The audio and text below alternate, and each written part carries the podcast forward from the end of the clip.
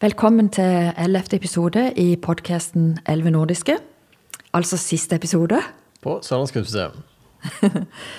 Nå er det Lars Gunnar Nordstrøm som skal avslutte denne serien. Han var finsk, levde fra 1924 til 2014. Og var en av pionerene innen abstrakt kunst i Finland. Og det bildet vi står foran nå, det har han kalt 'dimensjonell situasjon'. Og er malt i 1965. Hva betyr det? Ja, hva betyr det? En situasjon i dimensjoner? Ja. Eller A-dimensjoner? det er noen streker i hvert fall. Det er iallfall streker. Ja. Det er flott å se på.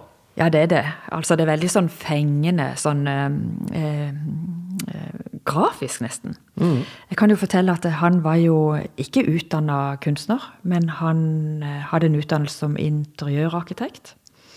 Jobba Nei, vokste opp i en, eh, i en eh, arkitektfamilie, og jobba også på et arkitektkontor med eh, interiør, da. Og når jeg fant ut det, så tenkte jeg at det, dette kan jeg nesten se. Ja, det, det gir veldig mening. Det er Ja, det- veldig eh, det. Ark arkitektonisk over det. Ja, det er det. Og det er jo disse linjene og formen og farvene som han er opptatt av. Det er jo blankt. Vi har jo også vært borti bilder tidligere som også har disse svært skarpe kantene. Eh, og jeg vil jo tro at han kanskje har brukt teip for å få det helt sånn korrekt som han har gjort. Og så fjerna teipen etterpå, og så lagt på nytt. Her kan du heller ikke se noen penselstrøk. Det er nesten som en eh, maskin kunne ha lagd det. Brukt rulle, sikkert. Brukt ei rulle, kanskje. Sånn som, sånn som vi gjør når vi, vi Ja, dekorerer veggen. in interiøret. Ja, du, det, den var god, for det har jeg liksom aldri tenkt på. For jeg har fundert på det. Hvordan får han liksom malingen til å bli så slett og glatt med pensel? Men han har jo sikkert brukt rulle. Det må være rulle. Det må være rulle. Han eh, har jo også montert denne, eller den som har montert, har lagt en sånn metallramme rundt bildet. Og mm, mange eh, syns at hans bilder de passer veldig godt inn i sånn moderne bygg. Hvor en har veldig sånn rette linjer, eh, ensfarga vegger. Eh, Alt er litt sånn stilrent. veldig stilrent. Absolutt. Og det er jo absolutt disse, disse kunstsakene her er jo veldig, veldig reine. Ja, de er det. Og um, han var jo også eh, av den um, oppfatning at, eh, at bildet det forestiller ikke noe annet enn seg sjøl. Og en kan jo også kalle det veldig sånn konkret kunst. Han begynte også å bruke lakkfarger når han var i, i Paris. Han reiste rundt mye. em, og det gjør jo også at denne overflaten blir veldig glatt.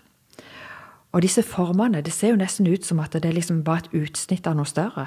At det formene, linjene, Ja, kan liksom vært, ja. fortsette liksom oppover. Ja, det kunne fint vært. og så har han liksom tatt en firkant og, og, og lagt Ja, altså, et utsnitt av det. hadde, hvis du hadde lagd og kroppa det bildet litt, så, så tror jeg ikke du hadde sett noen forskjell.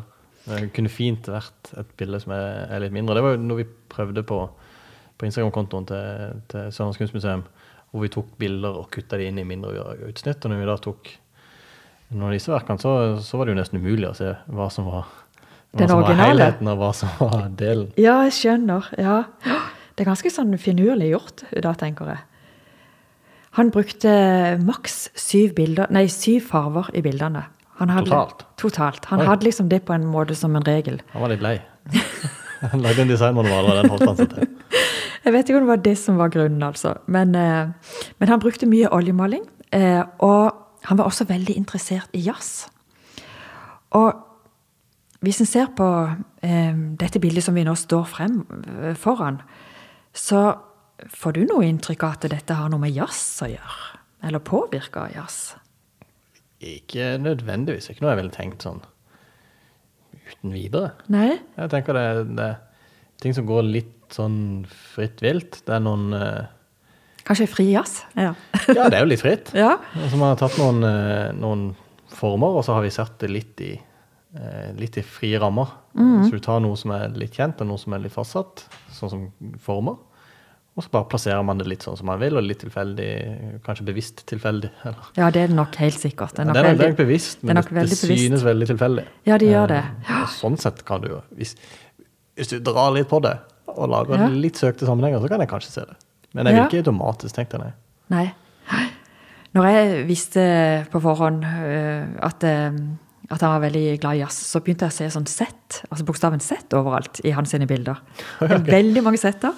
Men det er jo fordi at han bruker veldig mye sånn diagonaler, altså linjer som går på skrå. Ja. Og det skaper jo ofte veldig mye bevegelse i et bilde.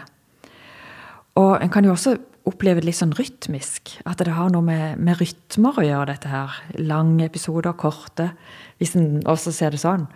Men hvis en da snur seg og ser på det, disse bildene som henger på denne veggen, så ser en jo at det er jo nesten sånne runde eh, noter som han har tatt i bildene sine Okay. benytta i bildene. Og vi har jo også en skulptur her i dette rommet. Ja. Og der kan en jo også kjenne igjen disse formene. En ser jo halvbrutte sirkler, sånn som man har på disse notebildene, som jeg kaller de bare da. Eh, men også disse skarpe kantene med rektangler, eh, firkanter, som liksom bygd opp som eh, en skulptur i seg sjøl. Ja, og det var en kort episode om eh, Lars Gunnar Nordstrøm, som da avslutter denne podkastserien 'Elleve nordiske' her på museet. Um, så da er det bare å ta seg godt til rette, bruke litt ekstra tid, se rundt i utstillingene og se på de, de tingene vi ikke har snakket om. Takk for oss. Takk.